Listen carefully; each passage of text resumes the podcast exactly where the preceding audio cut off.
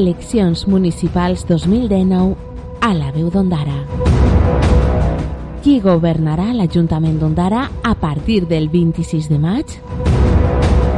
Entrevistes, debat i tota la informació electoral per a les eleccions locals en la veu d'Ondara, la ràdio de tots i totes.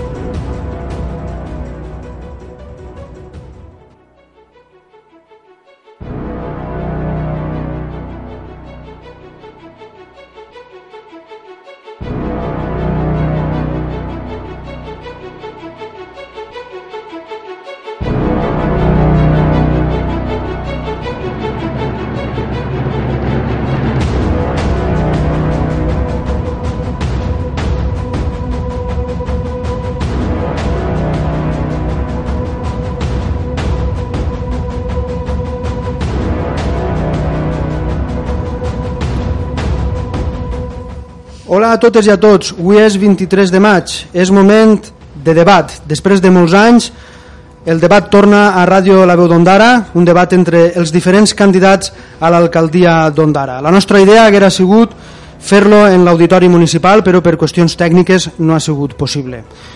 Des d'ací m'agradaria donar les gràcies als quatre candidats a l'alcaldia d'Ondara per dir que sí a este debat, perquè crec que és molt interessant per a una ràdio municipal que existisca un debat d'aquestes característiques i també m'agradaria aprofitar per dir-los que intenten senyir-se al temps que tenen assignat, després la nostra companya Laura Lobato ens dirà per què, i també que respecten els torns d'intervenció, no només per a respectar a la persona que estiga parlant, sinó també als veïns i veïnes d'Ondara que ens estiguen escoltant. Saludem als candidats i candidata a l'alcaldia d'Ondara. Vaig a començar per Àlex Hernández, candidat del Partit Popular a l'alcaldia d'Ondara. Bona vesprada, moltes gràcies per haver vingut. Gràcies a vosaltres per donar-nos aquesta oportunitat. José Ramiro, candidat del PSPB-PSOE a l'alcaldia d'Ondara. Bona vesprada. Bona vesprada a totes i a tots. Joan Costa, candidat de Ciutadans a l'alcaldia d'Ondara. Sí, bona, bona vesprada. vesprada, bona vesprada. I per últim, Marc Xessa, candidata de Compromís a l'alcaldia d'Ondara. Bona vesprada. Bona vesprada. La nostra companya Laura Lobato ens explicarà quin serà el format de debat. Volem des d'aquesta emissora municipal en primer lloc deixar constància que aquesta programació especial és un dels objectius de participació que ens hem marcat en la veu d'Ondara i que ha sigut una iniciativa voluntàriament impulsada, gestionada i coordinada pels propis periodistes que treballem així en aquesta emissora al marge de qualsevol tipus d'ingerència política sent aquesta la primera vegada que es realitza una programació d'aquestes característiques a la nostra emissora local i esperant que no siga la última en afany de la pluralitat de la emissora municipal. El debat que avui els oferim està estructurant de la següent forma. En primer lloc es farà la presentació. Cada candidat i candidata disposarà d'un minut i mig per a presentar-se. En segon lloc proposem quatre blocs. Cada candidat i candidata disposarà de dos minuts i mig per a expressar les polítiques que durà a terme en referència a cada bloc i també disposarà d'un minut i mig de rèplica després que tots i totes exposen les seues propostes. Els blocs són els següents. El primer bloc, obres i via pública, servei de recollida de FEM. El segon bloc, Hisenda i administració municipal. El tercer bloc és cultura, esports, joventut, educació i festes. I el quart bloc, sanitat, majors i serveis socials.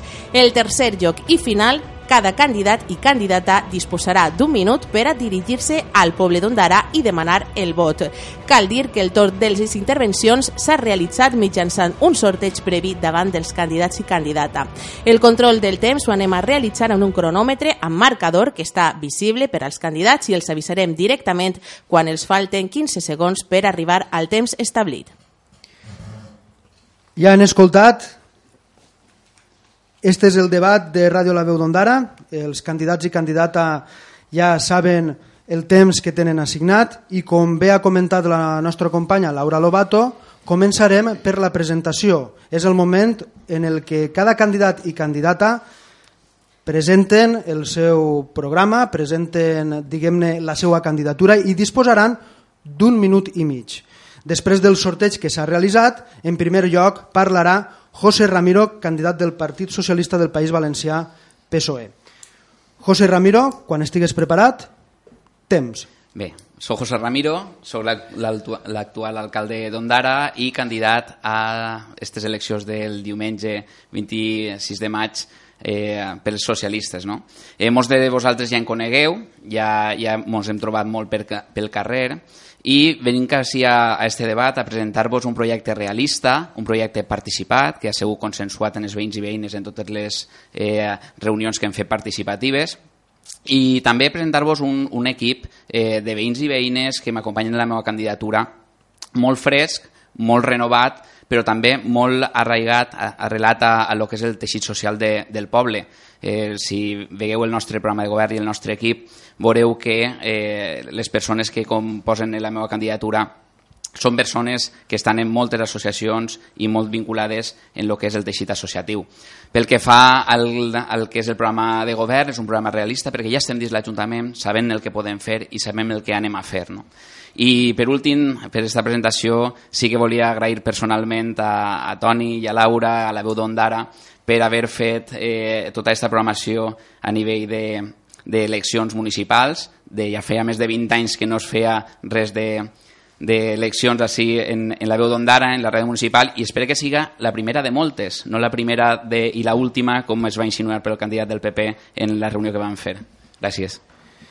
Després del sorteig, la segona persona en intervindre serà Marc Xessa, candidata de compromís a l'alcaldia d'Ondara.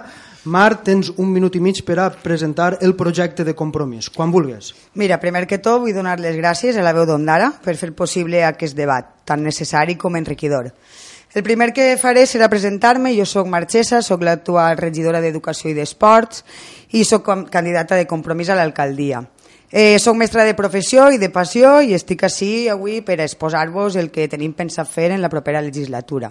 Podem dir que hem avançat en molts fronts durant aquests quatre anys, en sostenibilitat, en bon govern, en rigor econòmic. Avui l'Ajuntament d'Ondara es troba en millor situació que fa quatre anys.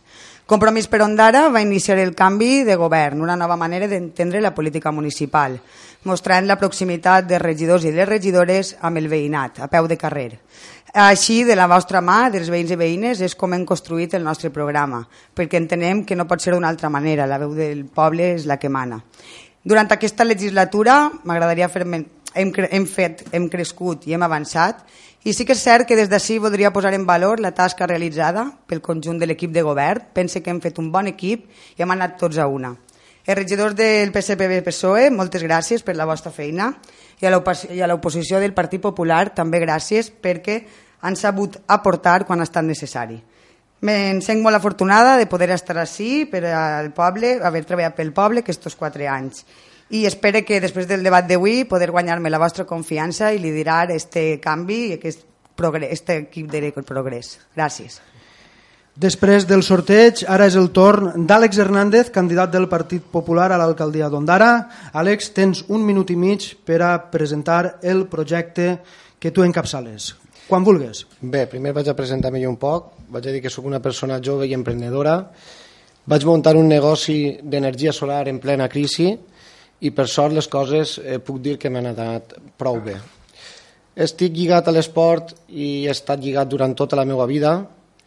Entro en política ara, sóc nou en açò, i entro per a intentar millorar les coses en el nostre poble. No espero res a canvi, Sols espere ser una persona més del poble i una més de la meva llista. La meva llista i jo portarem avant un programa innovador, viable i, per supost, que beneficie a tots i a totes. No vaig a dir res més. Molt bé. I ja per últim, Joan Costa, candidat de Ciutadans a l'alcaldia d'Ondara. Tens un minut i mig per a presentar el vostre projecte, quan vulgues. Molt bé, bona tarda a tots. En primer lloc, agrair públicament que aquesta oportunitat que es brinda la Ràdio La d'Ondara per a fer més democràtic, si cal, este procés electoral. Des de Ciutadans us traslladem la més sincera enhorabona. Moltes gràcies per, per donar-nos aquesta oportunitat. I a si la propera ja n'hi ha els mitjans adequats per a poder, per a poder anar a un auditori. El nostre equip és de recent creació. Ciutadans naix nou, aporta la nova sàvia política en Ondara, que és el que esperem.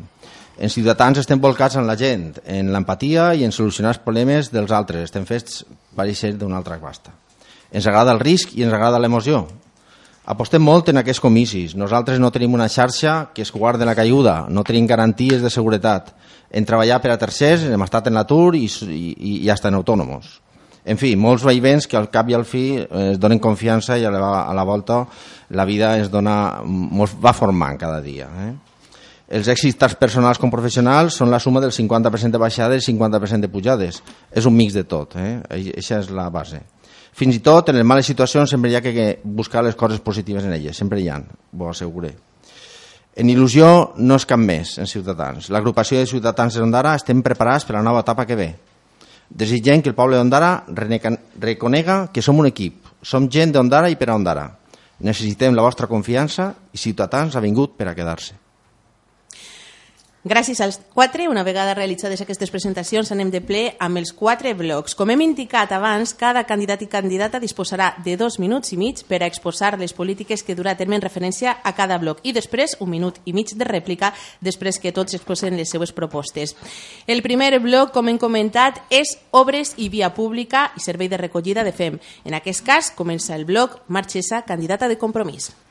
Per a nosaltres, en lloc de desenvolupar desmesura, desmesuradament, hem decidit millorar la trama ja existent. Volem una ondara més habitable i per això cal que entre totes i tots fem un gran esforç. D'alguna manera, una de les propostes més ambicioses que portem és que entre tots i totes pensem la ondara de la pròxima dècada, dins del Pla d'Acció 2030, amb el major consens possible. Per això proposem un pla estratègic que partisca d'un diagnòstic de la situació actual i que conjuntament i de forma participativa ens permeta generar com hem de treballar per l'Ondara del futur. Una prioritat que tenim per on volem començar és posar en ordre els convernis urbanístics heredats, molts d'ells amb més de 10 anys d'antiguitat i per això hem d'apostar per la revisió del Pla General d'Ordenació Urbanística.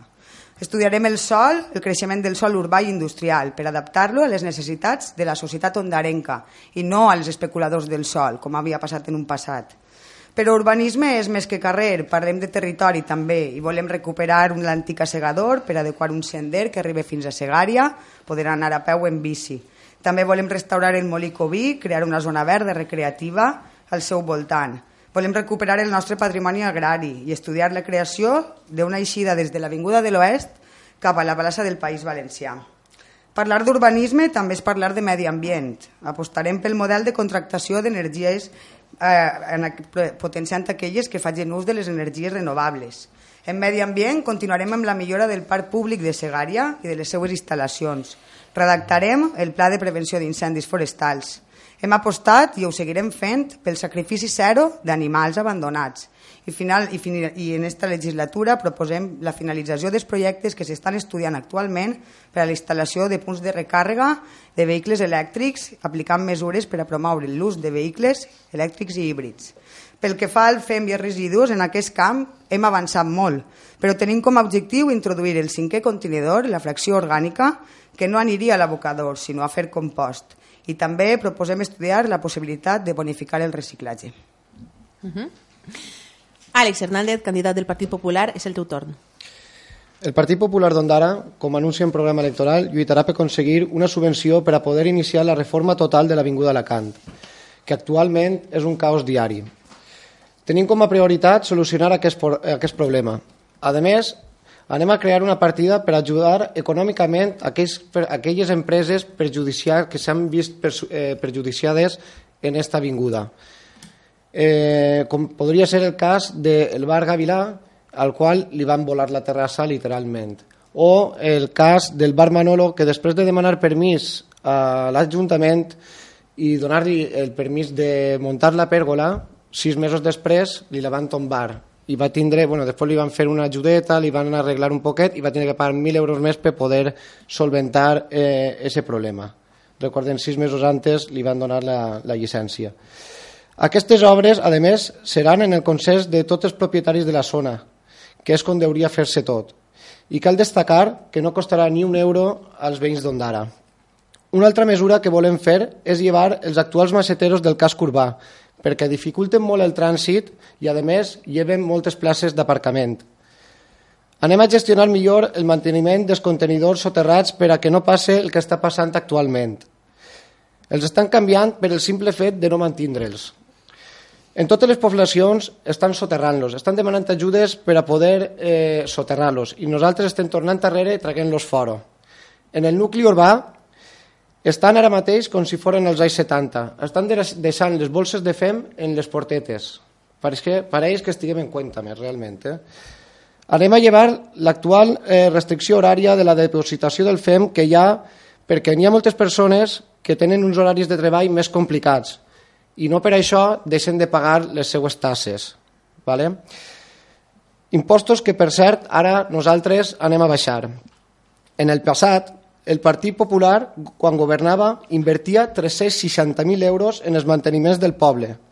En l'actualitat, el pressupost que presenten el pacte PSPB Compromís sols es contempla 150.830 euros, és a dir, menys de la meitat de lo que gastàvem nosaltres. Estos datos deixen en evidència el per què el poble està conforme està. Estem en el bloc d'Obres i Via Pública i Servei de Recollida de FEM. Torna ara per a Joan Costa, candidat de Ciutadans. Molt bé. Eh, en este bloc nosaltres volíem fer un poc hincapié en, en lo que s'ha fet, en l'Avinguda Alacant. Eh? En l'Avinguda Alacant, des de Ciutadans, mos pareix, pues, bueno, és una obra que no mos pareix que arribi a suficient, és, és prou baixeta. Eh, si tinc que posar nota, la posaria entre un 3 i un 4. Mm, que diuen que els vehicles van més lentos? Pues, bueno, pues pot ser. Eh, que n'hi ha més lloc per vianants? Pues segur que n'hi ha més lloc per vianants però el que és clar és que l'obra està és penosa. Vull dir, teòricament no n'hi ha certa gent, o sigui, jo trobo que el percentatge és molt baixet de gent que vaig a parlar amb ella i que vaig a dir que l'obra està eh, val la pena fer-la. Mm, per part de l'equip de govern, eh, sempre diguem, n'hi ha una segona fase, n'hi ha una tercera fase, n'hi ha una quarta fase. Eh, no cal tantes fases, perquè al fi i al cap si està mal fet, està mal fet. N'hi ha que reconèixer-ho i dir, pues, bueno, pues, mm, ser sincers i dir, bueno, pues no així com m'esperava. També hi ha que dir una cosa sobre l'empresa neteja. L'empresa neteja, eh, primer que hauria fer és un poc de, de auto, auto, automirar-se. No? Vull dir, una empresa neteja hauria ser l'exemple a seguir i diria estar més neta que mai. No pareix ser que siga així. El poble em dona la sensació de que està més brut que abans. No sé si és perquè realment esteu fent aquests canvis magnífics en els contenidors soterrats o realment... Clar, és que dessoterrem i després els fem aèreos. I després hi ha cases particulars que tenen sis contenedors aèreos davant de casa. No mos pareix massa bé, o sea, no, no, no vol dir que la cosa vaya, vaya millor. Pareix ser que no ho tenim molt clar o realment el que voleu fer no ho veiem. Eh? Per almenys des del punt de vista dels ciutadans, que és des de fora. En el carrer Sant Jaume passa el mateix, eh? una tira de contenedors aèreos quan realment dius, bueno, pues, pues realment no sabem per què ho han fet. No? totes les obres pensem que es fan per a millorar. En aquest cas pareix que no sigui així. Una altra cosa també respecte a la, a la neteja, eh, en l'horari Sigma, eh, l'Ajuntament té que acoplar els horaris dels, dels, dels veïns. Eh, no pot ser que un veí vagi a tirar quatre escombros o quatre bolsetes d'escombros i resulta que per fora d'horari no li se tira.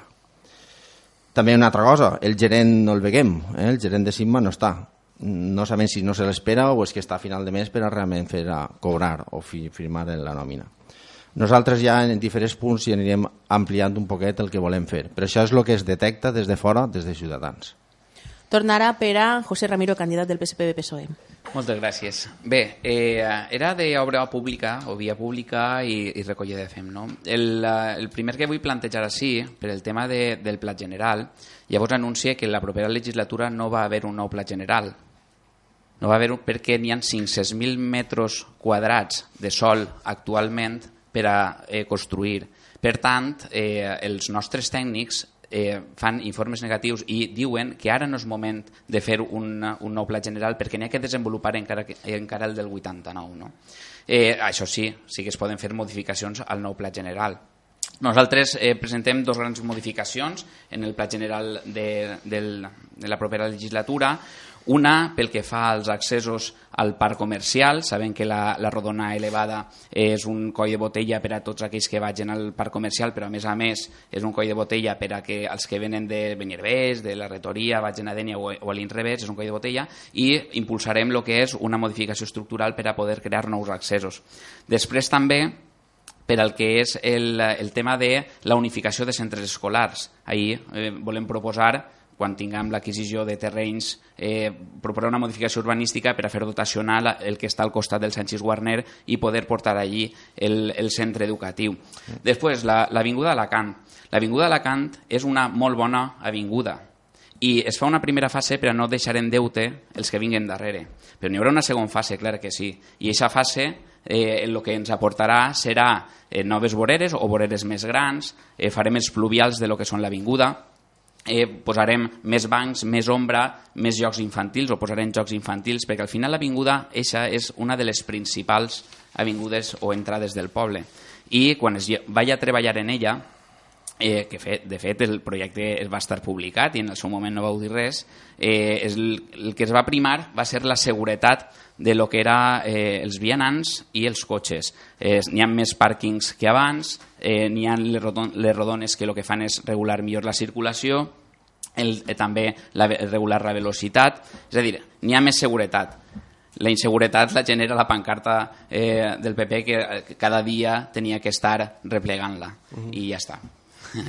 Després continuarem. Moment ara del torn de rèplica. Seguirem el mateix ordre que hem seguit fins abans. En primer lloc, Marchesa. No vaig a dir res, de moment. Àlex, tens Segona. minut i mig.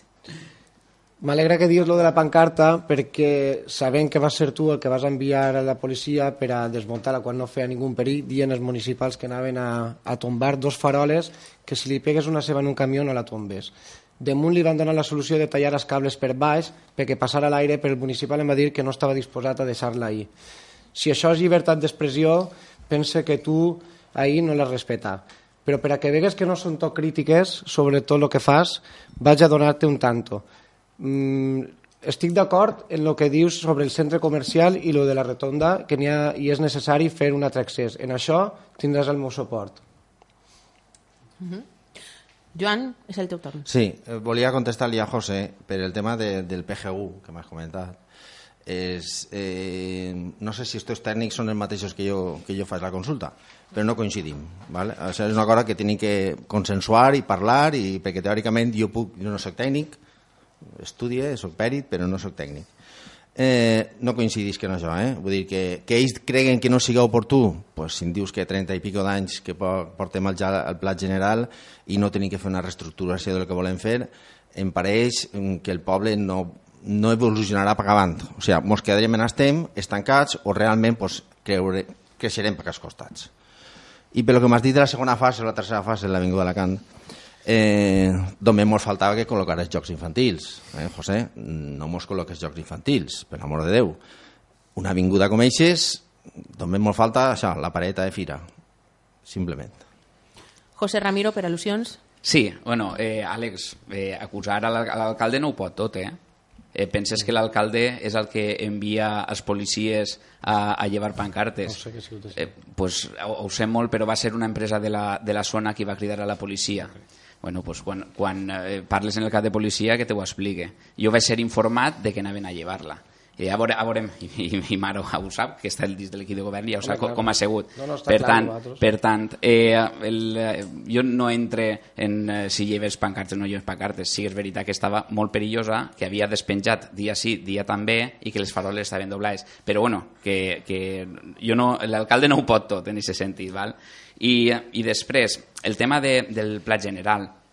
El pla general és molt, molt difícil desbloquejar-lo perquè estan els convenis urbanístics que comprometen més de 55.000 metres quadrats de techo i, i no anem a permetre que un pla general vinga a condicionar per tots aquests convenis urbanístics abans han de, han de resoldre'ls. També és veritat que no podem eh, estar depenent dels convenis per a poder evolucionar o, o invertir en, en el poble d'Ondara. No, no anem a prioritzar convenis urbanístics a altres inversions que, que siga el poble. I, I pel que fa al creixement, és que el pla general del, del 89 n'hi ha que fer un creixement interior-exterior, és a dir, eh, n'hi ha molts patis dins del poble i n'hi ha moltes zones per desenvolupar dins del poble que, que no té cap sentit voler créixer ni per a les alfatares, ni per a Vinyals, ni per a ningú lloc. N'hi ha que executar-se el que n'hi ha. Quedamos com estem. Mm -hmm.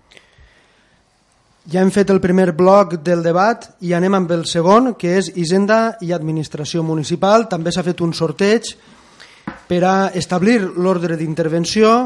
El primer en parlar serà Àlex Hernández del Partit Popular, després Joan Costa de Ciutadans, després José Ramiro del PSPB-PSOE i per últim Marchesa de Compromís. Recordar que cada candidat disposa de dos minuts i mig per a parlar del tema i després tindran un minut i mig per a la rèplica. Com dic, enceta este segon bloc, Hisenda i Administració Municipal, Àlex Hernández, candidat del Partit Popular a l'alcaldia d'Ondara. Àlex, quan vulguis. Nosaltres anem a acabar en els actuals enxufes que teniu en l'administració perquè, a més, està costant-nos eh, molts diners a tots. Quan el Partit Popular governava, pagava 2.164.330 euros en 60 cèntims en salaris per als seus empleats. L'actual pressupost que teniu és de 2.519.000 euros. Això vol dir que en 4 anys va pagar-se 1.418.677 euros, eh, 1.418.677 euros en 60 cèntims de més. En aquests diners a veure, podem construir, per exemple, un estadi de futbol i a més es pot construir en gent del poble i donar feina a la gent i fer moltes més coses. Dic un camp de futbol per dir alguna cosa. Eh? Nosaltres anem a baixar els sous de regidors i, a més, anem a baixar el sou de l'alcalde en 12.000 euros. En l'estalvi que això suposa, això anem a fer i poder donar major suport econòmic a les nostres associacions per a que puguen oferir al poble millors festes i ser un punt de referència. Anem a baixar les contribucions que va pujar el pacte PSPB Compromís. Vaig a donar altres datos importants. Quan el Partit Popular governava en l'any 2015, els ingressos de l'IBI d'Urbana i els ingressos de l'IBI de Rústica eren de 2.200.000 euros. Ara esteu ingressant 2.850.000 euros. És a dir, ingresseu 650.000 euros més a l'any. On estan aquests diners? Expliqueu-m'ho. Anem a crear bolses de treball per a la gent del poble, però a més seran bolses de treball en transparència total. I voldria explicacions sobre una casualitat que tinc així sobre la taula. El gerent de Pimon que tenim actualment és un tal eh, Jordi Serra Ferrer i troba que és el mateix que tinc així, que apareix al número 13 en el BOP eh, de la llista de PSPB de Dènia. I també, casualment, és esta persona que és un exdiputat del Partit Socialista, i per a mi això és eh, massa coincidència. No ho sé, jo no estic disposat a, este, a fer aquestes coses, que voleu que vos diga. Ara és el torn de Joan Costa, candidat de Ciutadans a l'alcaldia d'Ondara. Disposes de dos, dos minuts i mig per a parlar sobre Hisenda i Administració Municipal. Joan, quan vulguis. Molt bé. Així faré noció també al PGU, perquè jo el tenia preparat en el 2 i en el 1, pues, bueno, en, en, anirem mesclant tot. Vale, eh, creguem que és de llibre que es deuen respectar totes les formes de fer política, tant en l'oposició com en el govern. No? Ahir tenim que destacar que hi ha molts regidors que no han estat o no han estat eh, per part de tots els grups polítics i tampoc donava la sensació que s'esperava. Eh? Vull dir, teòricament, bueno, nosaltres li donem més importància a aquest fet. No? Pareix que en alguns plenaris, bueno, pues, no n'hi ha oposició, o sí que n'hi ha oposició, o falta l'U. Teòricament això n'hi ha que tineu en compte, Àlex, també. Damunt va vindre la gran desbandada, tant per un partits com pels altres, no mos pareix ètic. Vale? Des de Ciutadans, nosaltres creguem que deguem tindre polítics tirats endavant, que saber què significa ser un regidor d'un poble com Ondara. Tenim que creure en això, perquè al fi i al cap està la visió dels xiquets, dels pares, de, de totes les persones que ens veguen i diuen este és l'exemple que volem seguir. No? Vull dir, pense que n'hi ha que donar un poc més de, de, de cordura a dir, soc regidor i, i vaig als plenaris i donen la cara a tots, perquè al fi i al cap això ens perjudica a tots, perquè al fi i al cap jo em sent totalment mm, llançat a que realment això és, és un deute que tenim. O sigui, jo estic així i sé que tinc 4 anys de deute, d'una manera o d'una altra, però sé que estic ahí. Eh, en Ciutadans creguem que la taula de consens, encara que els nostres arquitectos no coincidisquen en els de José, però sí que volem desenvolupar un nou pla general. Està clar que n'hi ha convenis, mm, ho desconeguem, sabem que pot ser que n'hi haga un poc més de, quan obrim caixons, que n'hi haga més coses, però és que és fundamental per a que el poble vagi avant.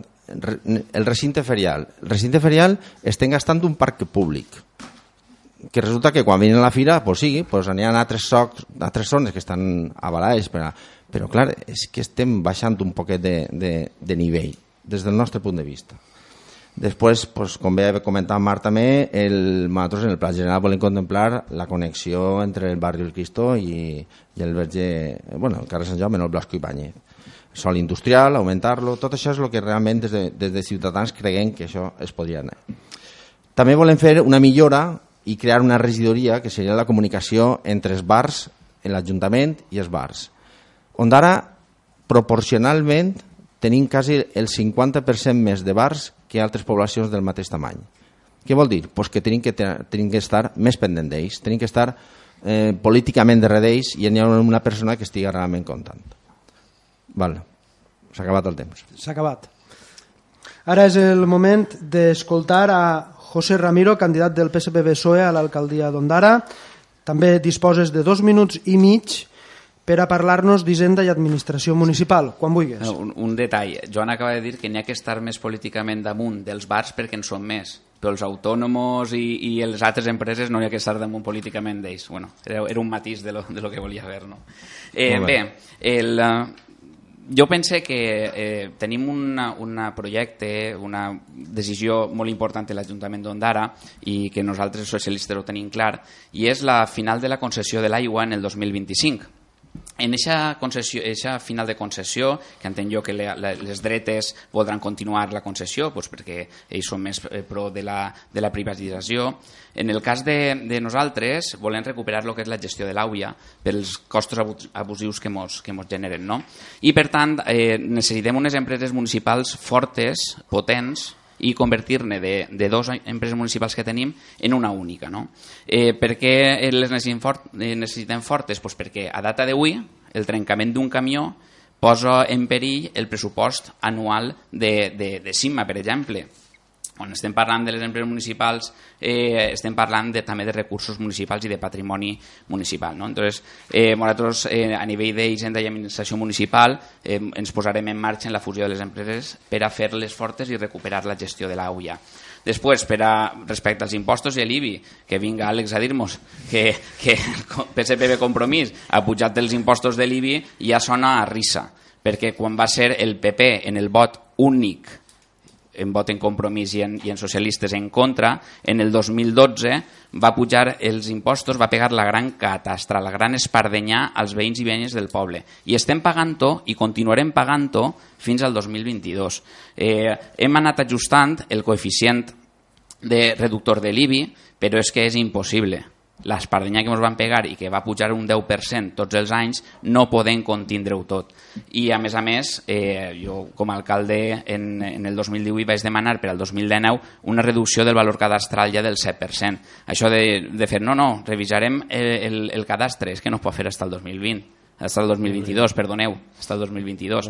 I és la llei, no, no és la voluntat del poble a nivell cadastral. No? I res, bueno, començarem des, continuarem després en el torn de rèplica.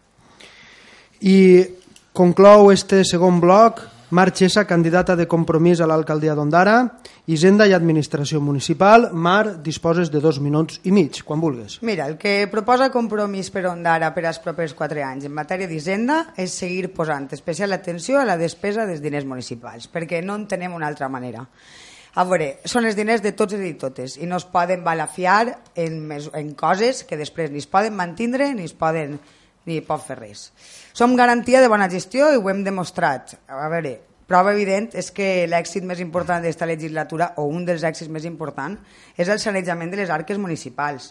Parlem del deute i el tornarem a repetir. 4.310.000 euros en 2015 vol dir que cada habitant del poble devia 625 euros. Actualment, en 2018, vam aconseguir baixar aquest deute fins als 293.000 euros. 43 euros per habitant, 10 ara, cada habitant. En 2020 aconseguirem liquidar el deute bancari i tots aquests diners que hem estat ara pagant els podrem destinar a moltes més, moltes més coses, sobretot al benestar de les persones, que són les, les polítiques que ens importen. Pel que la baixada de l'IBI és el que acaba de comentar José. Ens el vam trobar en un coeficient del 0,80 i nosaltres l'hem baixat fins al 0,67. Què vol dir? Que este any no l'hem pogut baixar més perquè, com també ha dit José, hem reduït en un 7% el valor cadastral i fins al 2022 no es podrà fer ninguna revisió. Què penses? Que no haurem volgut nosaltres estos quatre anys portar-ho endavant? Què millor política que eixa? El problema són les herències. I pel que fa a l'administració municipal, sí que també vull dir que tenim un compromís amb la participació i la transparència. Això dels enxufismes sona fatal i no és així. Nosaltres, una frase que tenim és que comunicació i participació és igual a veu i vot. I, per tant, entenem que les persones sempre, una vegada consultades o una vegada vagin efectuat el seu vot, se'ls ha de continuar escoltant. I és el que hem fet aquests quatre anys i proposem per als quatre anys vinents. Continuarem treballant com ho hem fet fins ara per a tindre total participació i transparència, reforçant els pressupostos participatius, reprenent les assemblees participatives. Tot això no em cal dir res més. Després en el torn de rèplica ja contestaré algunes al·lusions. Gràcies. Molt bé, ara és moment que els quatre candidats puguen fer rèplica si volen. Disposaran d'un minut i mig i tindrà el mateix ordre que en este bloc. És a dir, Àlex Hernández pot començar el torn de rèplica si vol. Àlex, tens sí. un minut i mig. Si vols, pots sí. replicar. Vale. Mira, en quant al tema del cadastre, nosaltres posem que n'hi haurà una renovació cadastral, però no diguem que sigui en 2010. Aquesta de primera. Vale? Després, el tema de l'IBI, sí que és veritat que el va pujar el Partit Popular, jo no, el Partit Popular, jo ni estava, però bueno, vaig a fer, eh, tinc que defensar el partit però sí és veritat que en 2015 portaven una mesura en el seu programa que era la baixada, i això estareu d'acord perquè està, tinc els programes ahí, però bueno. Després, eh, ahir ja vaig explicar el deute, jo no vull que allargar-me ja més perquè aquest deute sabeu que es va firmar per tots unànimament i tinc igual la documentació que portes perquè podem parlar amb el teu amic o amic meu, José Carles Femenia, que va votar a favor, o en Xavi Pons. I una altra cosa que deixa en evidència la vostra defensa és que ja mm, fora de documentació anem a, a basar-nos en fets. Com pot ser que deixem el poble tan mal i vosaltres en 2015, i siu així, la veu d'Ondara, mireu-ho, 1.505.141 euros de superàvit. No estaven les coses tan mal, pense jo, no? No estaven tan mal. És que no enganyeu a ningú ja en el deute. I una altra cosa molt evident, i que això ja la gent es queda eh, perpleja, és com si el poble està tan mal heu cobrat més que ningú en la història d'Ondara. O sigui, cobreu 60.000 euros més anuals que cobràvem nosaltres. 60.000 euros més, 240.000 euros més que cobraven en 4 anys. És una, és una passada, però bueno. Bé, ara Joan Costa té l'oportunitat de fer rèplica si vol. Joan, disposes d'un minut i mig, quan molt vulguis. Molt bé. En un principi volia contestar-li José, perquè m'ha comentat un poc el tema de, de la regidoria de, dels, dels bars i restaurants, que nosaltres creiem que és important. Eh, com antes no ho ha pogut acabar de matisar, diré, en relació de bars i restaurants en poblacions properes i el mateix número, dupliquem. Què vol dir? Per supòs que els autònoms, no sé si realment José tindrà els datos del paro, però els datos del paro actuals estem parlant de quasi 600 persones pense que estarà fent alguna cosa, a banda d'un pla de xoc així de, d'aixòs de col de dir, bueno, joguem a 4, 40 persones i després les posem al paro altra volta. O sigui que anirem pujant 640, anirem baixant a 600, per ahí estarem, aquesta xifra. Si no creem en els autònoms, en les empreses, ha sentit a tu i a Marc que esteu parlant molt de eh, no, nosaltres anem a aguantar, anem a dosificar, anem a controlar els gastos, anem a... perfecte, em pareix perfectíssim, ¿vale? Perfectíssim. Però estem parlant d'Ondara. Ondara requereix un passet avant, requereix tirar endavant, autònoms, empreses... Si tots estem apoyats, tots tirar avant. Ara, el que no podem fer és que de l'Ajuntament frenem i entonces pues, dir, bueno, pues, entonces la, la projecció econòmica anem frenant-la. I una altra cosa, pels pressupostos participatius, Marc, que el que has comentat, m'agradaria que estudiares un poc és la quantitat de gent que aporta ahir o que participa en aquests pressupostos. Si m'ho pots donar, perquè jo la tinc per, per corroborar-ho. José Ramiro, ara té temps de fer rèplica, disposa d'un minut i mig, quan sí. vulguis. Bé, eh, el cost polític no és el sou de, de l'alcalde ni de regidors, només. És tot el que tenen assistències i tot. Eh, esta corporació eh, ha costat anualment eh, menys de eh, 50.000 euros a l'any, perquè les secretàries de l'alcalde que tu rebaixaràs 12.000 euros el sou de l'alcalde però t'empujaràs 15.000 a, la, a la teva secretària perquè dubte molt que deixes la teva empresa al costat, entenc. És, entonces, doblar-se eh, la dedicació que pugues fer a l'alcaldia la, eh, també en, en l'empresa pues, trobo que no serà al 100%, no? i és entendible. Eh? Però bueno, la, la secretària de l'alcalde, el conseller delegat que era un, un 8è o 9è regidor, que això eh, ho coneguem tots els que han estat, tot això és el cost polític i esta, esta eh, corporació ha sigut 50.000 euros menys que en l'anterior corporació per any. I això són datos que estan en els pressupostos municipals no? pel que fa a, a lo de les empreses bueno, tenim, tenim molt poc de temps tinc que repetir això bueno, a, a nivell de Joan eh, mireu, durant aquesta legislatura han fet una modificació de compatibilització del parc comercial en el qual eh, anem a, o van a instal·lar-se més empreses. De fet avui ha passat per Junta de Govern la instal·lació de Lidl o la llicència d'obra de Lidl i eh, el desbloquejar el desbloquejar el contenciós eh, pel tema de la modificació i pronte vindrà de Calón i vindran més empreses que això suposa més inversió per al poble, més feina per al poble, més veïns i veïnes treballant. I ja per últim, marxes a candidata de compromís, tens un minut i mig per a replicar si ho vols fer. Sí, no em donarà temps a tot. Vaig a començar per el tema dels enxufismes de nou, com havia dit abans. Per sort, l'administració pública de l'Estat està posant uns mecanismes que malauradament no van estar en els anteriors governs. Actualment hem d'agrair aquests filtros que ens fa passar l'administració a l'hora dels contractes i les licitacions, perquè hem estalviat Bueno, les factures d'escalaixos ja no poden estar i, evidentment, els contractes a dit tampoc poden anar. Sols dir-te que això per un costat. Pel que fa als sous de regidors, no m'estendré més perquè José ho ha explicat molt bé. Una diferència molt gran entre, entre tindre dedicació o no està en cobrar assistències. Abans es cobraven 400 euros per junta de govern, ara se'n cobren 14. L'anterior alcalde cobrava 1.600 euros en assistències i, per exemple, en el meu cas, que cobre per assistències, en cobre 40, 80 o 120 euros màxim. Després, pel que fa al tema de regidors desapareguts, esperava aquesta pregunta, i em sap molt greu que, que, bueno, que al final hagi eixit, perquè pel meu cas o pel que fa a la corporació, eh, parlar d'una persona que ha passat una situació de salut complicada, pense que què bé estem fent la resta de coses per a que siga el punt. Zeus Serrano no ha costat ningú euro a l'Ajuntament i gràcies a l'equip del PSP, PSOE i el Compromís ens hem arromangat i hem pogut dur endavant les dues regidories que ell malauradament no ha pogut gestionar, res més. Jo no he posat noms, eh? Jo, no jo, jo li l'he posat, jo li l'he posat va, perquè va. estava esperant-lo. Molt bé. Temps, anem ara amb el tercer bloc. Cultura, esports, joventut, educació i festes. Volem conèixer les vostres propostes en aquesta matèria. També el torn de paraula s'ha establit per sorteig. En aquest cas, comencem amb el candidat de Ciutadans, Joan Costa. Molt bé, en el tercer bloc, que era cultura, esports, eh, joventut, educació i festes, ahí tindrem que tindre, posar mitja hora cada un, per almenys per, per començar a parlar. Val, eh, volia fer referència que en este punt hauria estar més controlat. Jo parlo com a pare ja, ja no com a polític, sinó com a pare, de que realment en les escoles esportives, i això Marc pues, segurament em podrà fer algun, algun colpet, de que teòricament van, farà dos anys van tenir una pujada mm, quasi del doble de lo que estàvem pagant. Val, eh, com a situació de pare, pues, bueno, pues, tots esperaven bueno, pues, vindrà algun regidor o algun alcalde o alguna persona que sigui responsable i que ens pugui explicar per què realment està puja. No?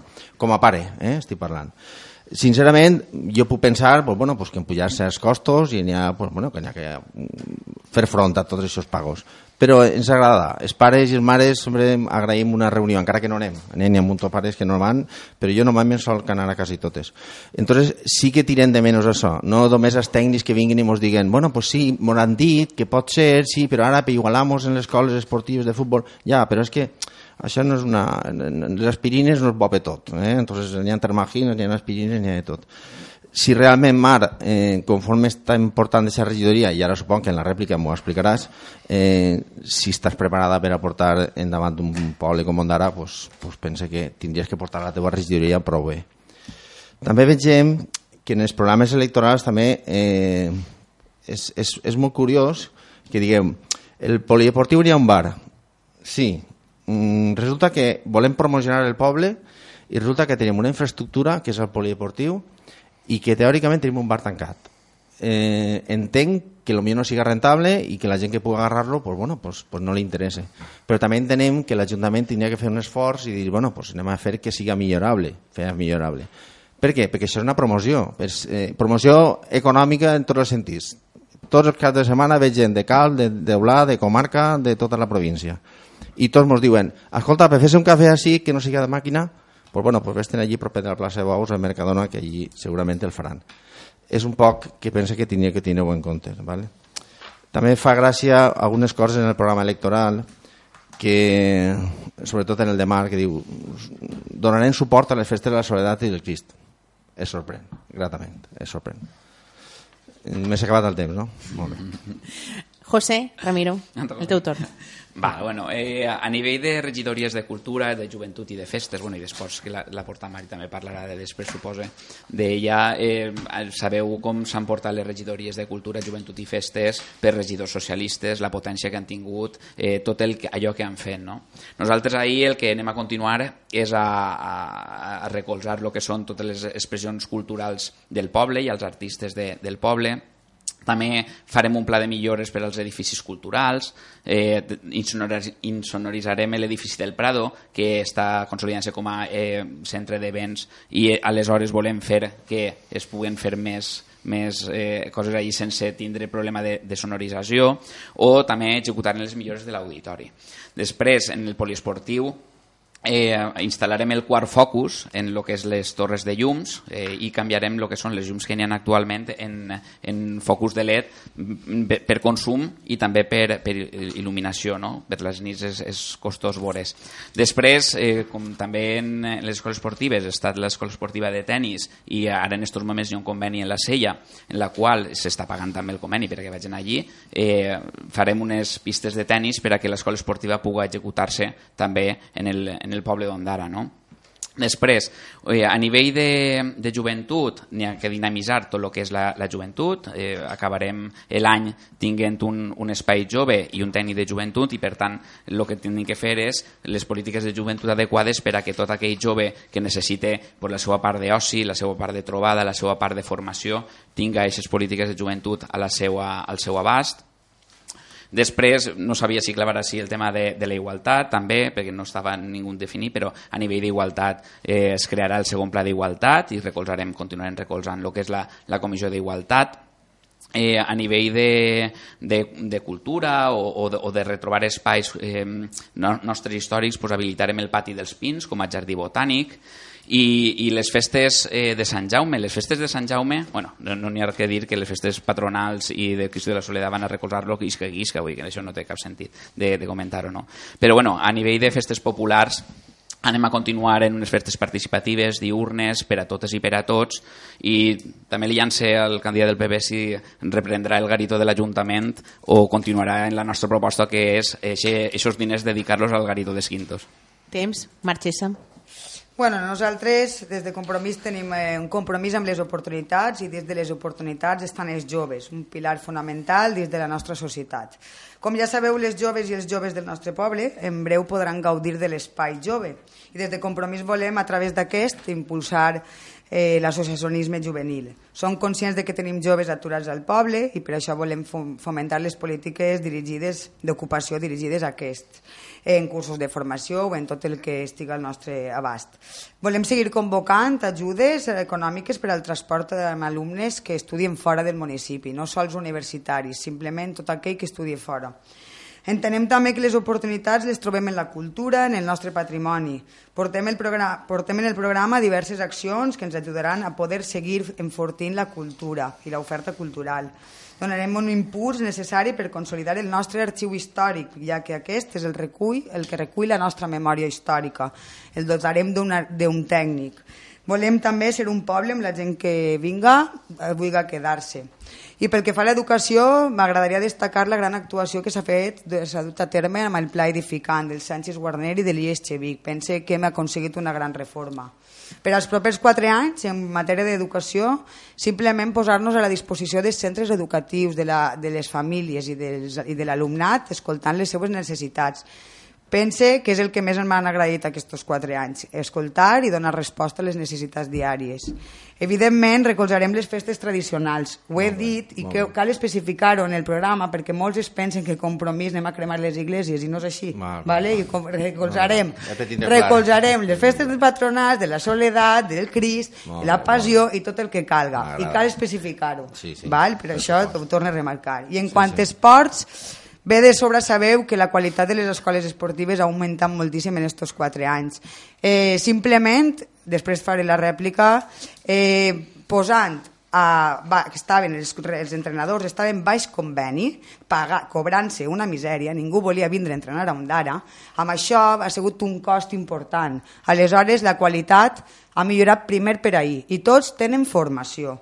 Evidentment, adequarem la resta de zones per practicar l'esport. Les pistes de tennis ja les hem estat mirant. Després en la rèplica continua. Gràcies. Àlex Hernández, és el teu torn.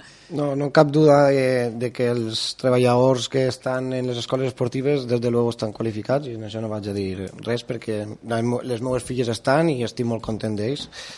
Nosaltres anem a, a impulsar l'esport i tot comença per unes eh, millores econòmiques. Anem a construir dos pistes de tennis i és una de les nostres prioritats. A més, anem a canviar la gespa del, del camp de futbol ja que és la part de l'escola esportiva o, o una de les que més gent ens aporta i necessitem que seguisca seguint així. Anem a construir un gimnàs urbà que tots pobles ja han instal·lat en els últims anys. Anem a baixar un 50% les quotes dels alumnes de les escoles esportives i això anem a fer-ho gràcies als acords comercials que ja teníem en el passat. Anem a potenciar les festes populars de Sant Jaume. Eh, per lo que dia José Ramiro, eh, jo no estic d'acord en que l'Ajuntament tinga un garito, ¿vale? Vull dir que jo, antes és antes, jo sóc Àlex Hernández i començo des d'avui per a davant, ¿vale? No, no estic completament d'acord en el Partit Popular en totes les coses que ha fet en el passat, vull que quede això eh, clar. Però tampoc estic d'acord en que cobreu eh, 50 euros per garito, eh? Això és una cosa, una mesura vostra i no estic d'acord tampoc, dic una cosa, dic l'altra. Eh, també anem a potenciar les festes, bueno, les nomenades festes de Sant Jaume i les d'àmbit religiós com el Cristo i la Soledat, aportant més diners i, a més, participant en elles en representació de l'Ajuntament, cosa que en els últims quatre anys no hem pogut veure. Fomentarem la nostra cultura i no, no, ha, que ten, no tenim que oblidar que Ondara és el que és, entre altres coses, perquè tenim un monument, un monument històric molt important com és la plaça de Bosch que es va reconstruir en les mans dels propis ondarencs. Això és un dato molt important. És possible que algun dels vostres antepassats hagi treballat en ell. Les millores en les nostres escoles és fonamental. Tenim grans professionals, entre ells Mar, no cal duda treballant en les nostres escoles, però deguem de reforçar els àmbits com la salut dels xiquets i les seues eh, sensacions emocionals. Tenim molts xiquets que pateixen diverses enfermetats i estan limitats en algunes activitats o inclús no poden assistir a les excursions en els seus companys. Tenim un compromís en els seus pares i el Partit Popular ja ho ha anunciat diverses vegades que anem a contractar un infermer o una infermera per trencar aquestes barreres. També anem a reforçar els centres educatius en, en la prevenció del bullying i, a més, anem a sensibilitzar a la comunitat educativa. Moment del torn de rèplica en este mateix bloc que estem parlant, cultura, esports, joventut, educació i festes en el mateix ordre. Joan Costa. Molt bé, eh, volia remarcar, donar les gràcies a Mar perquè gràcies a, a, esta, a este debat i puc saber per què hem fet la puja de les escoles esportives, però bueno, molt bé, així no ho sabem tots. Per lo que respectava a lo que comentava Mar també en el seu regidor, no era només en ell, era també en els altres partits, no volia donar noms a ningú perquè justament aquesta persona és familiar meu directe i entonces pues, pues no, no recrimia, però no ho trobava bé. Val? En, en algunes de les coses que Ciutadans, per, a, per, a, per acabar la rèplica, si em deixeu el minutet este i, i dir les dues cosetes que tinc que dir. Eh, nosaltres volíem crear una escola d'idiomes, ¿vale? una escola d'idiomes, però no com, a, com una escola de dir, bueno, pues vaig, done anglès, done alemà, o done espanyol, o done el, el que siga. No, era un intercanvi cultural, el que està fent a nivell de, de mm, viatjar a l'estranger, eh, tire sis mesos allà i tal, vale aprofitant així que n'hi ha gent major del poble que realment sap idiomes i estarien encantats en fer aquest tipus de tasca, fer setmanes en 24 hores en algun lloc, i entonces aquesta escola seria aglutinar tot això per a que realment els nostres jovens i la gent que tinga ganes d'estudiar pues, pues que pugui aprendre diferents idiomes. ¿vale? I ahir m'inclòs jo perquè realment també sé molt poc d'idiomes. Eh, en les fires m'encantaria que les fires, eh, per una volta, el que és el recinte del Prado, l'aprofitaren per a fer fires tecnològiques, noves, modernes, que la gent vinga perquè diu, jolín, el que no fan en Ondara no fan en cap de lloc, i això és el que m'agradaria. José Ramiro, el teu torn. Respecte a les fires, tot dependrà de les empreses. Eh, Aquest any hi ha hagut empreses eh, tecnològiques punteres que estan instal·lades en Ondara com Iobi, per exemple. Però bueno, el, el tema de la infermera, el tema de la infermera, el Partit Popular eh, ho gasta com a bandera, però va ser el Consell Escolar Municipal en febrer qui va, posar la, va donar la primera passa per aconseguir una infermera als, als centres educatius gràcies a l'aportació del, dels, eh, dels pares i mares, de l'Associació de Pares i Mares. Eh, ja es va moure en febrer i eh, Conselleria ja ha manifestat qui és per llei qui ha de posar la infermera o infermera en les escoles d'Ondara, que és eh, el propi centre de salut. Claro, el centre de salut, que depèn de Marina Salut, que és una concessió eh, que ve del Partit Popular i que pues, és molt complicat que fan negoci en la nostra salut eh, que vulguin posar una infermera als nostres centres. Nosaltres, el següent pas, eh, el Consell Escolar Municipal així ho, ha- ho ha marcat, és ara exigir-li a Marina Salut i a la Conselleria de Sanitat que posen la infermera com és la seva competència. No és competència local, sinó és competència autonòmica i és eh, de la Conselleria de, de Sanitat. I entenc, entenc lo del bar de, del poliesportiu, mm. lo del bar de la piscina, entenc, no? Sí, Lo- perdona, vale, vale, és sí, que el bar perdona. del poliesportiu no, Sí. no ho entenc, ja, Eh, ja ho sé que és una minús, però eh, és eh, era una confusió. sí. Vale, el bar de la piscina es va treure a licitació, es va quedar, va quedar després va desert. desert i nosaltres licitem i si a cost zero i si no és ningú que vol quedar-se o perquè no els ixen els números pues, eh, al final acabem posant una... ja, ja ho sé que n'hi ha que tallar però gràcies. No, no tenim prou, Gràcies. no tenim prou temps A veure, eh, sobre l'augment de les escoles esportives, ja ho he dit, eh, quan vaig arribar i vaig a veure la regidoria d'esports tenia una partida de 60.000 euros en el, en el 2015. El primer que vaig fer va ser un estudi, que el tinc així, el podeu veure, el cost per xiquet, el cost en, en futbol, un xiquet de futbol té un cost de 399 euros, en bàsquet té un cost de 480, i és del 2015 i del 16. Eh? Tot això sense aplicar la pujada de sous. Val? Per tant, enteníem que no era rentable. Evidentment, la pujada que van ser, va, ser, va fer va ser una molt poc significat, molt, signif molt poc significativa, era de molt pocs diners. Sí que és veritat que el que van pensar era que s'havia de pagar- d'aportar el 50% en el tema del xandall i de la bolsa. Per què? Perquè el que no pot ser és que una persona utilitzi 5 xandalls en un any o 5 bolses en un any. Si a una persona li costa el 50%, pues sols en gasta uno, saps?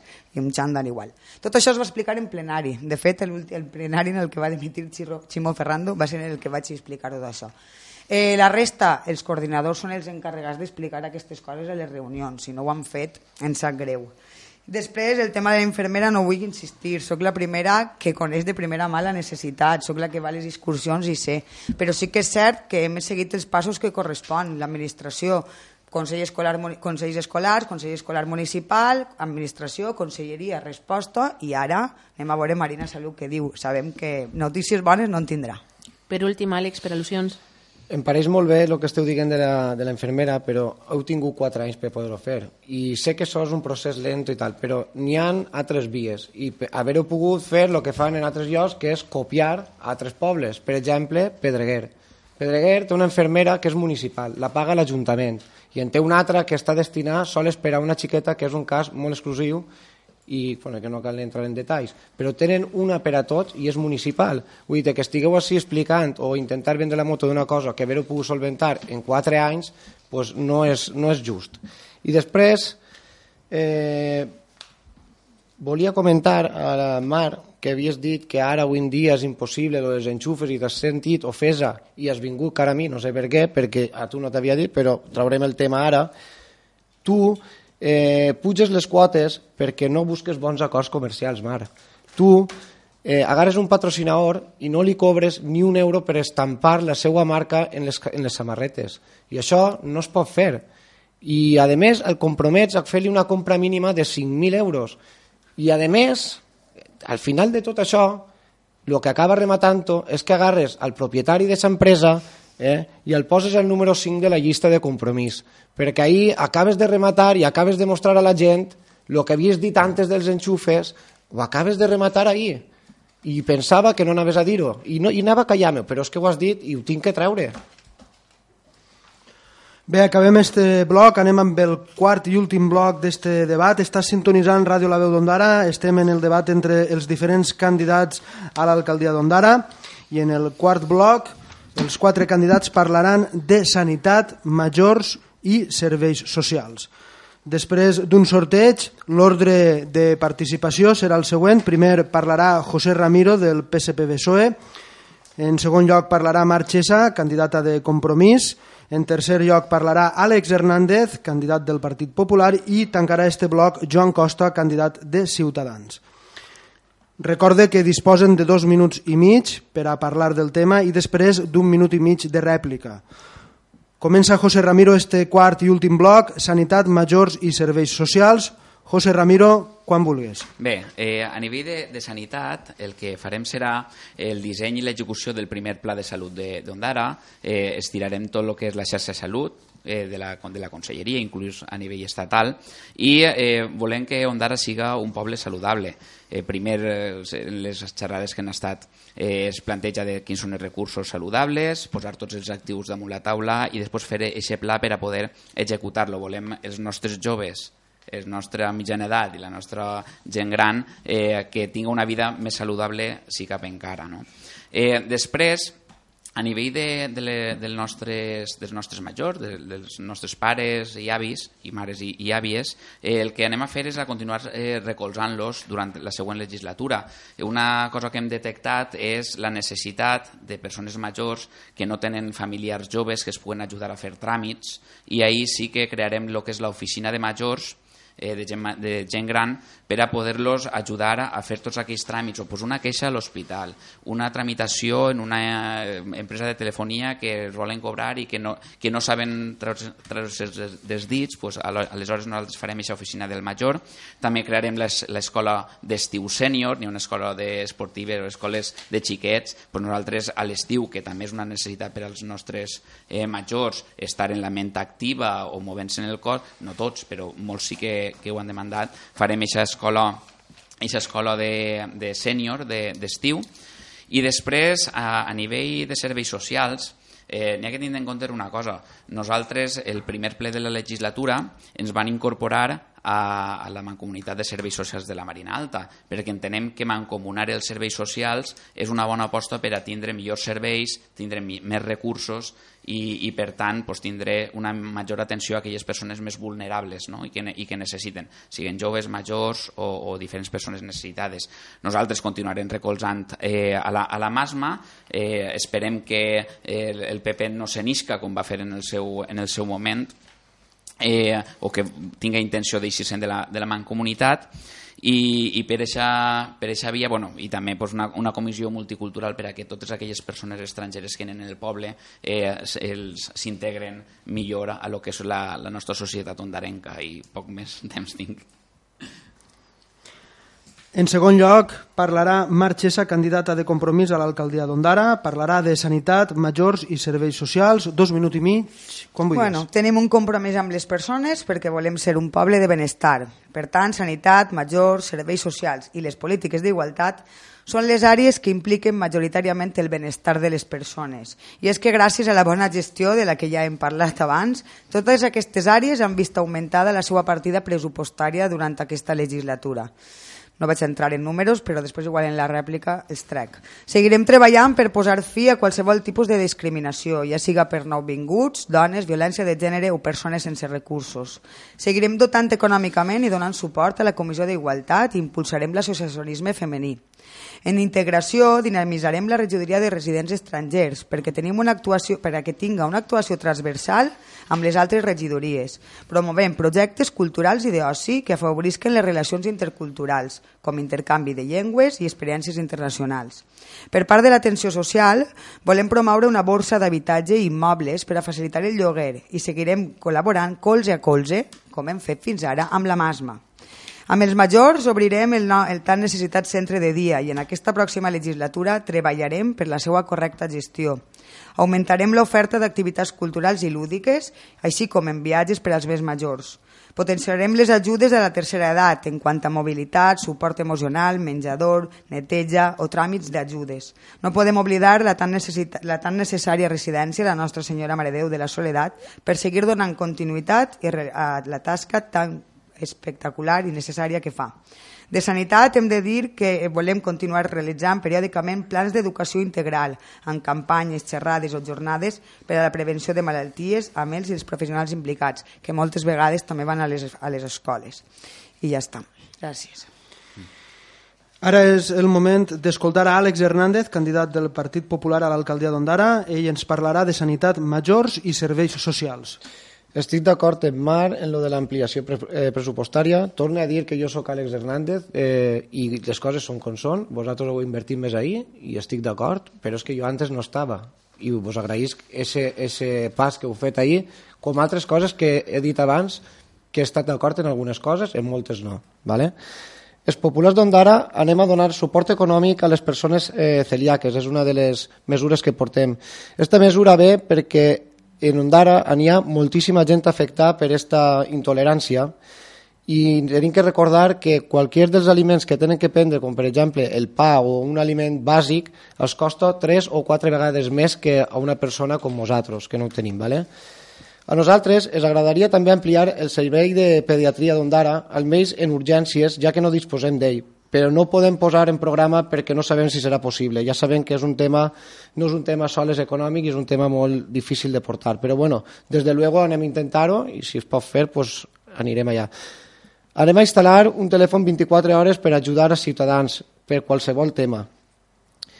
El PP va ampliar la residència de majors, va construir el centre social i quan governem construirem aquest centre de dia tan esperat que va ser votat per totes les forces polítiques a favor entre ells el Partit Popular, no? No estic enganyant, no? Vale. En aquest apartat és molt important que estem totes les forces polítiques d'acord i intentem apartar les nostres diferències. És important que lluitem per els interessos dels nostres majors per a que recibisquen les millors atencions. La sanitat és un tema que es deu de millorar des de l'administració i no podem tindre uh, gent fent coles d'espera de mesos, fent mesos d'espera, perdó, per a ser atesos i tindre que acabar en hospitals privats per a solucionar els seus problemes. Crec que totes les forces polítiques tenim que estar juntes i eixir al carrer si fa falta. No sols des d'Ondara, sinó de tots els pobles, independentment qui governa.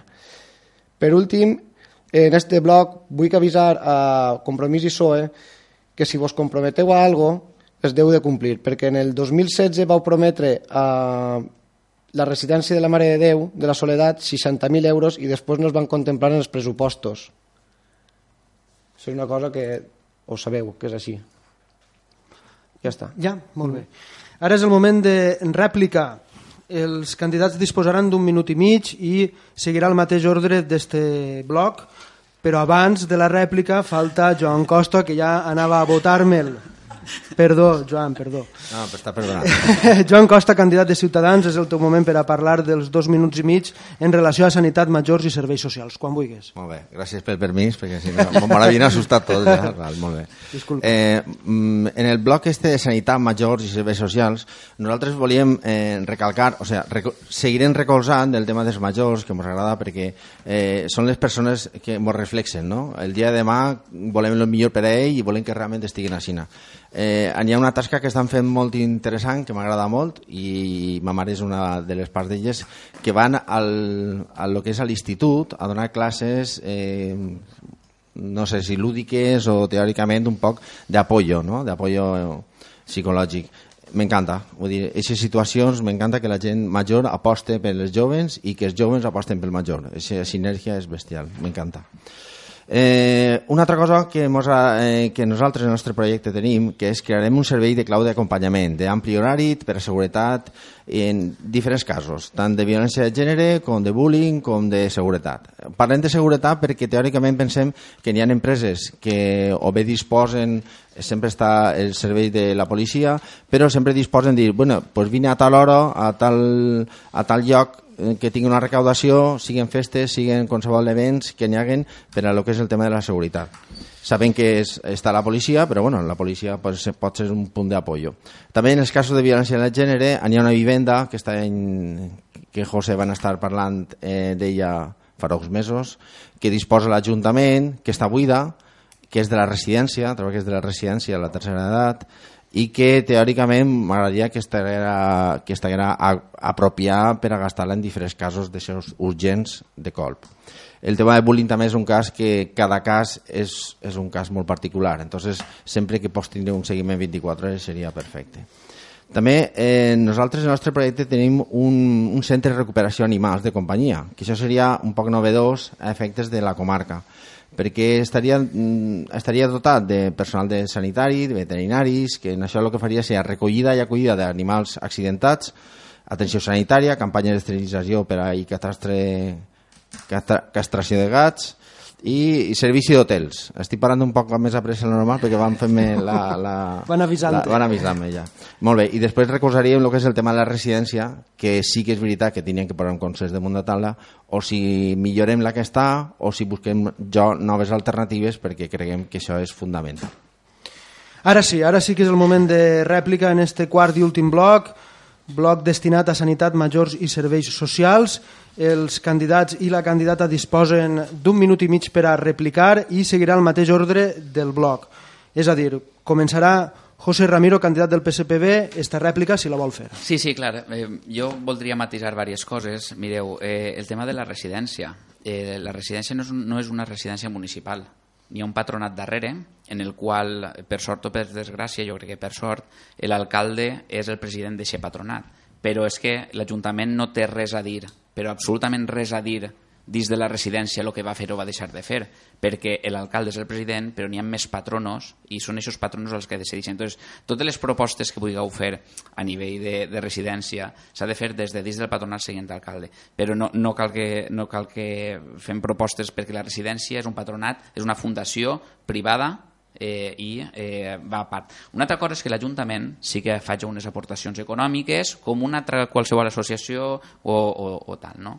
Eh, la residència, eh, jo vaig lamentar molt quan el PP en el seu moment va treure una notícia desprestigiant el que s'havia fet en la residència i posant-la en perill i dient el que s'havia passat. No? Eh, més que res perquè quan, quan jo entré d'alcalde, inclús antes d'entrar d'alcalde, eh, m'assabente de tota la problemàtica que pugui tindre la residència en, en temes d'organització econòmica. Però és que, clar, el Partit Popular, encara que tu no vulguis, que tu eres nou, el Partit Popular li va llevar la subvenció a la residència en el 2010 i no la va curar o la va cuidar eh, fent places noves. Aleshores, el Partit Popular o Ximo Ferrando en aquell, en aquell sentit, no? i el, el pressupost municipal eh, en les votacions, eh, aprovant els pressupostos eh, de forma unànime. No? Entonces, la residència a mi m'agradaria que la deixarem a part i que, i que no la tocarem. Ara és moment d'escoltar la rèplica de Marchesa, candidata de compromís. És que, bueno, jo m'havia deixat antes lo del conveni de Llença Esports i sí que m'agradaria matisar que no és un conveni, és un acord i que no és comprar les 5.000 euros, és rebre fins a un 50% de descompte en tot el material que se li compre. I no ha implicat tampoc cap canvi més, perquè no hem deixat de comprar a altres empreses, no ha sigut una cosa a dit. Eh, puc, tenim les dades del que s'ha comprat a Esports Colau, a Public 4 i a altres llocs. El que m'agradaria que quedi clar és que per què aquest acord? Perquè i es proposa. I què és el que m'ofereixes tu? Un descompte. Beneficia l'Ajuntament? Per supost que sí. Clar que sí. Si jo m'he gastat 5.000 euros i aquests 5.000 euros resulta que m'han costat 2.500 euros, evidentment ha beneficiat l'Ajuntament. I ja està. No vull entrar més en aquest tema i les dades estan en l'Ajuntament. Eh, L'altra cosa que sí que m'agradaria ja remarcar i per tancar és que no, dius que eres Alex Endández, no eres l'anterior govern, tal. Però en l'entrevista d'ahir vas dir que el govern del PSB Compromís PSOE no havia fet res, res, res, res. Pues dotar a les partides que beneficien el benestar social de les persones com ho hem fet, pense que és fer molt, molt, molt, perquè que igualtat no tinga partida, que, que joventut, joventut no tinga partida, que totes aquestes partides, que no es contemplaren aquestes partides pressupostàries dins d'un pressupost municipal són el que beneficia les persones en el seu dia a dia. No ho puc entendre. Això és fer molt. Àlex Hernández, candidat del PP per al·lusions, quan vulguis. Bé, dir que lo del contracte que dius tu, Omar, eh, el descompte del 50% en el contracte no apareix. No està estipulat. Jo, jo l'he vist el contracte i no, no s'estipula. O sigui, això que estàs dient és una cosa i després, quan parlem de descomptes, es té que parlar descomptes però sobre quin preu base. Jo he vist la fulla anexa que n'hi ha a dit contrat i en el descompte que diuen qualsevol tenda o té més econòmic que vosaltres compràveu a dit empresa i no és que ho diga jo, ho ha contrastat en altres empreses. Després, eh, esa empresa ja eh, sé que no existís, però estava i pagava els seus impostos en Dènia no vau ser per a consultar a ninguna empresa local i ho puc contrastar perquè ho he parlat en el propietari de l'única empresa local d'esports que n'hi ha, o no l'única perquè en el centre comercial n'hi ha més, però on ara està, com tots sabeu, Esports Colau. I sé que no vau parlar perquè jo ho he contrastat en ell. Vull dir, jo tampoc vull que allargar el tema, però les coses són conforme són. I ens podem enganyar tots, i ahir el vas enganyar i no passa res, però per lo menos admitir-ho. Jo ahir més que res vaig fer referència per a fer una explicació llarga de lo del tema del famós deute, per a veure si aclaríem si era deute o era una inversió que va ser aprovada per tots els partits, i quan dic per tots ho torno a dir Xavi Pons en el seu moment i, José, i José Carles Femenia. Però dir, si tots aprovem fer inversions i d'això, no gastem això com a recurs polític, que vau tirar quatre anys fent això. S'ha acabat el quart bloc i, per tant... No, no s'ha acabat el quart bloc. Tinc mania, Joan. Toni. Perdona, Toni, disculpa. No sé per què. Eh? Ja sé per què, perquè en el bloc 3 ell ha, ha conclòs i, i estic mirant el bloc 3. Molt bé, molt bé. Disculpa. Molt bé. Joan Costa, tens un minut i mig de rèplica per a parlar sobre el que tu vulguis. Molt bé. Jo la rèplica, en un principi volia dir a José que em pareix molt bé que l'alcalde pues, estigui limitat perquè no està el patronat i que realment jo no sé tot l'engranatge que n'hi ha dins, pot ser que sigui més complicat, però algun dia n'hi haurà que agarrar el bou de, de la banya. Algun dia tenen que crear... Un, o sea, eh, la residència està, està en hores baixes. Vull dir, cada volta, per sort o per desgràcia, anem fent molt majors tots i la residència té que tenir noves aspiracions. Eh, si ja pensem que no podem fer res, no anem a fer res. Vull dir, teòricament, patronat, retor, jutge, alcalde, el que siga, algú té que tirar avant i dir anem a fer sentar-nos una taula i anem a solucionar això. Vull dir, eh, quedamos estancats? Pues seguirem estancats, simplement.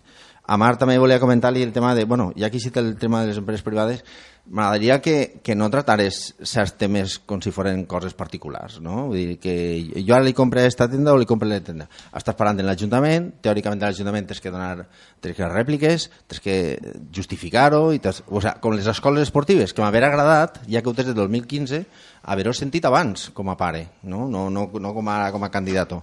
I també pues, eh, em fa gràcia també que digueu farem una, un, una borsa de lloguer de vivendes. Vos puc dir, i jo em dedico a això, que on ara pot ser que n'hi haguen eh, no sé si un 2 o un 3%, molt poca gent que disposa d'una vivenda de lloguer. Eh, estaria molt bé que fes aquesta borsa de lloguers, de vivendes. Val? Ara sí, ara sí que ja s'ha acabat el quart bloc i per tant el debat en si. I abans d'anar a l'últim apartat d'este debat, que serà quan cada candidat i candidata disposen d'un minut per a dirigir-se al poble d'Ondara i demanar el vot, m'agradaria fer-vos una pregunta per a que no estiga tan encorsetat este debat. Sembla que en els últims temps la tendència és que no hagin majories absolutes. I des d'ací m'agradaria preguntar-vos, i vos ho preguntaré a cadascun de vosaltres, en cas que no obtinguéreu majoria absoluta, amb qui pactaríeu si és que voldríeu pactar? I comença per tu, José Ramiro, candidat del PSPB-PSOE. Ara, de, de... ara no hi ha temps. No ha temps. Ara no hi ha temps. està, està, José, José jo crec que és important aquesta pregunta perquè jo crec que la gent també està atent i atenta a aquest sí, tema sí. perquè, com ja dic, ara la tendència no és que els partits traguen majories absolutes. Pot ser que sí, que algun dels partits en traga, però el és més habitual ara últimament és que no. En cas de no traure majoria absoluta, el, el PSPB-PSOE amb qui pactaria? Bé, nosaltres, ara, de fet, ara en el minut suposo que tots anem a demanar el màxim recolzament per a no dependre de ningú, perquè sempre que depens d'algú eh, també has de renunciar a part del teu projecte, no? Eh, i, I tampoc vas en el teu equip. Però sí que n'hi ha clar una cosa, jo en les dretes tinc poc que dir. Aleshores, en PP i en Ciudadanos, eh, a nivell de pactes de legislatura, no, no tenim cap, cap cosa que, que que, que veure, no? Eh, en compromís hem portat aquesta legislatura, millor, pitjor, en els seus moments bons i, i, i els no tan bons, però eh, tinc molta afinitat per l'esquerra i per compromís i, i per tant si necessitarà d'algú per a, per a eh, ser alcalde o per a fer un pacte de, de legislatura comptaria en, en compromís. Jo sé que en Ciudadanos i en PP no, no tinc res a fer. Ara marxés a candidata de compromís. Si compromís no traguera majoria absoluta, amb qui pactaríeu? Jo, jo ho he posat de manifest en la, meva, en la meva introducció i en la meva presentació. Jo agraïsc el pacte de govern que vam fer el 2015 perquè, evidentment, teníem un objectiu comú i, i per això vam unir les forces i ens vam posar mans a la feina. Sí que és cert també que, com ell diu, clar, abandones un poc la teua part, però de veritat pense que si es vol construir un govern d'esquerres, així a Ondara hem de comptar amb el PSPB i amb el seu equip de gent que ja sé de primera mà que és bo.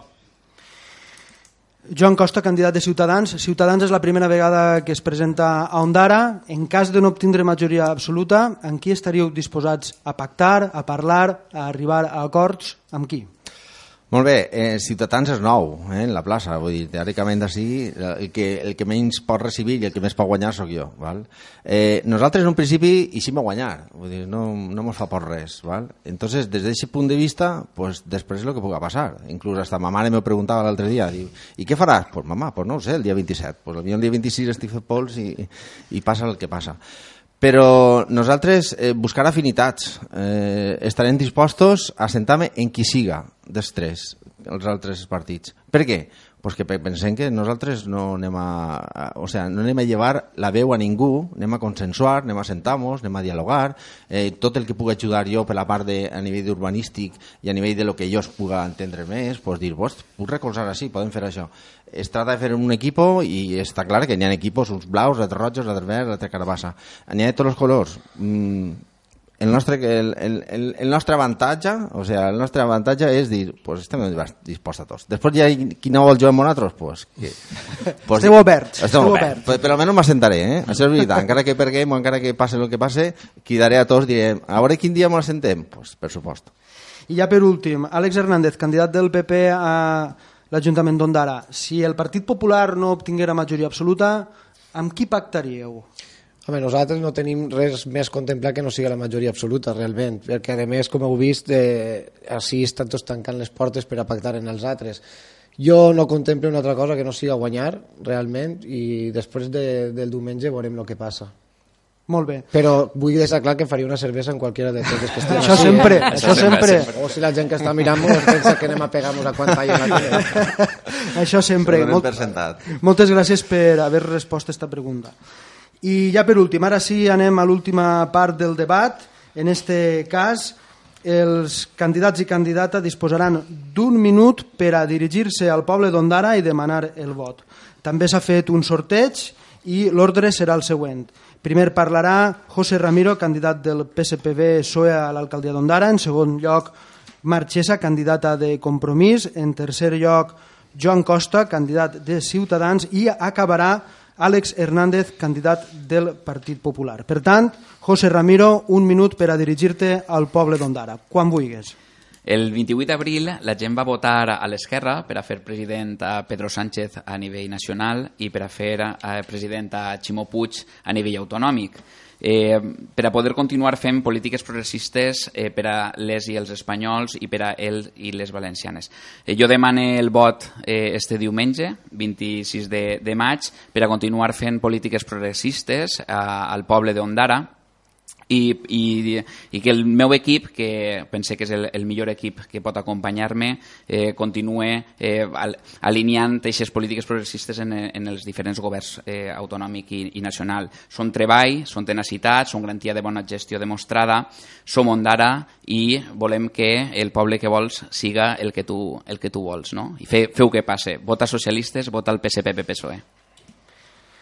Ara li correspon el torn a Marxesa, candidata de compromís a l'alcaldia d'Ondara. Un minut per a dirigir-te al poble. Ondara és millor des de que estem al govern i això es nota. Compromís per Ondara ha portat moviment i color. Hem trencat amb protocols i privilegis que deien que eren inamovibles i hem respectat tot allò que deien que anàvem a trencar. Ens van dir que no podríem, que el que fèiem no tenia sentit i que les coses no canvien, que no teníem experiència i que no sabríem governar. Hem demostrat que no és així i que és qüestió de treball i d'esforç. Som el que es veu, alegria i claretat. Som gent del poble que mira i treballa pel poble i, i tenim els peus a terra perquè xafem cada dia els carrers. Mentrestant, continuarem demostrant que es pot fer política diferent, adaptada a la realitat, que la política freda i jeràrquica és cosa del passat i que el futur passa per la naturalitat i la convicció. Volem ser la vostra veu i que, nosaltres, i que vosaltres sigueu la nostra força. Amb la vostra complicitat farem que Compromís per Ondara guanyi les eleccions. Volem comptar amb tu per a que jo pugui ser la primera alcaldessa d'Ondara. Moltes gràcies. Ara és el torn de Joan Costa, candidat de Ciutadans a l'alcaldia d'Ondara. Un minut per a dirigir-te al poble. A Ondara necessitem que el nostre alcalde estiga totalment disponible per als veïns. Necessitem que se'ns escolti a tots, els empresaris, els xiquets, els pares i els majors. Necessitem que les portes de l'alcaldia no estiguin tancades. Necessitem que el nostre ajuntament solucioni problemes, no que en faça. Necessitem més pes i múscul polític. També sabem que a Ondara es vota més a la persona. Sabem que Ondara necessita un equip amb ganes de fer coses bé. Sabem que no és només estar, sinó fer. Sabem que la paràlisi política no es porta a bon port. També sabem que volem diàleg i consens. És l'època que tenim que conviure. Volem que el nostre poble sigui un referent comarcal. Volem que les obres es gestionen millor. Volem que les empreses treballin colze a colze i a gust en l'Ajuntament. Volem que la gent se senta recolzada i segura. I volem que els nostres fills tinguin un futur prometedor. Per tot això, la solució la tenim en Ciutadans. Joan Costa obrirà les portes de bat a bat a l'alcaldia. Joan Costa escoltarà cadascú dels veïns, vinguin d'on vinguin. Joan Costa tractarà la política com ha de ser, ordenada i pausada. Vota Joan Costa. I ja per últim, Àlex Hernández, candidat del Partit Popular a l'alcaldia d'Ondara, disposes d'un minut per a demanar el vot. M'agradaria que la gent pensara per un moment el que s'ha fet en el poble en els últims quatre anys. Estic segur que no n'hi ha ningú que estigui content el poble està estancat completament i la solució passa per un canvi. Per un canvi al Partit Popular, per a poder continuar en el creixement que teníem abans en l'any 2015, abans del 2015. En el nostre programa portarem portem les moltes reformes per a baixar els impostos, les quotes de les escoles esportives i moltes coses més que afecten l'economia de tots els ondarencs. I, a més, portem reformes com les baixades dels salaris dels regidors i la de l'alcalde per a poder distribuir aquests diners en coses més importants com per, com per exemple augmentar les subvencions a les nostres associacions locals més marginades per l'actual govern. Vota el Partit Popular d'Ondara, junts tornarem a créixer. Molt bé, així conclou el debat. Moltíssimes gràcies als quatre candidats a l'alcaldia d'Ondara. També vull donar-vos les gràcies perquè ens heu facilitat la feina i això és d'agrair. I m'agradaria tornar a remarcar, que ja ho ha dit Laura Lobato, que esperem que siga el primer de molts debats, perquè considerem que una ràdio municipal, com Ràdio La Veu d'Ondara, ha de permetre que s'escolten totes les veus i que els veïns i veïnes d'Ondara tinguen l'oportunitat de contrastar les diferents opinions i els diferents programes electorals. Una ràdio pública, plural i participativa és el millor símptoma d'una societat democràtica i avançada. Moltes gràcies per escoltar-nos. Moltes gràcies, Laura Lobato. També moltes gràcies a vosaltres. Des d'ací vos desitgem moltíssima sort per a este diumenge i serà el poble qui decidisca este diumenge quin serà el pròxim govern municipal. Moltes gràcies. Moltes gràcies. Gràcies. gràcies.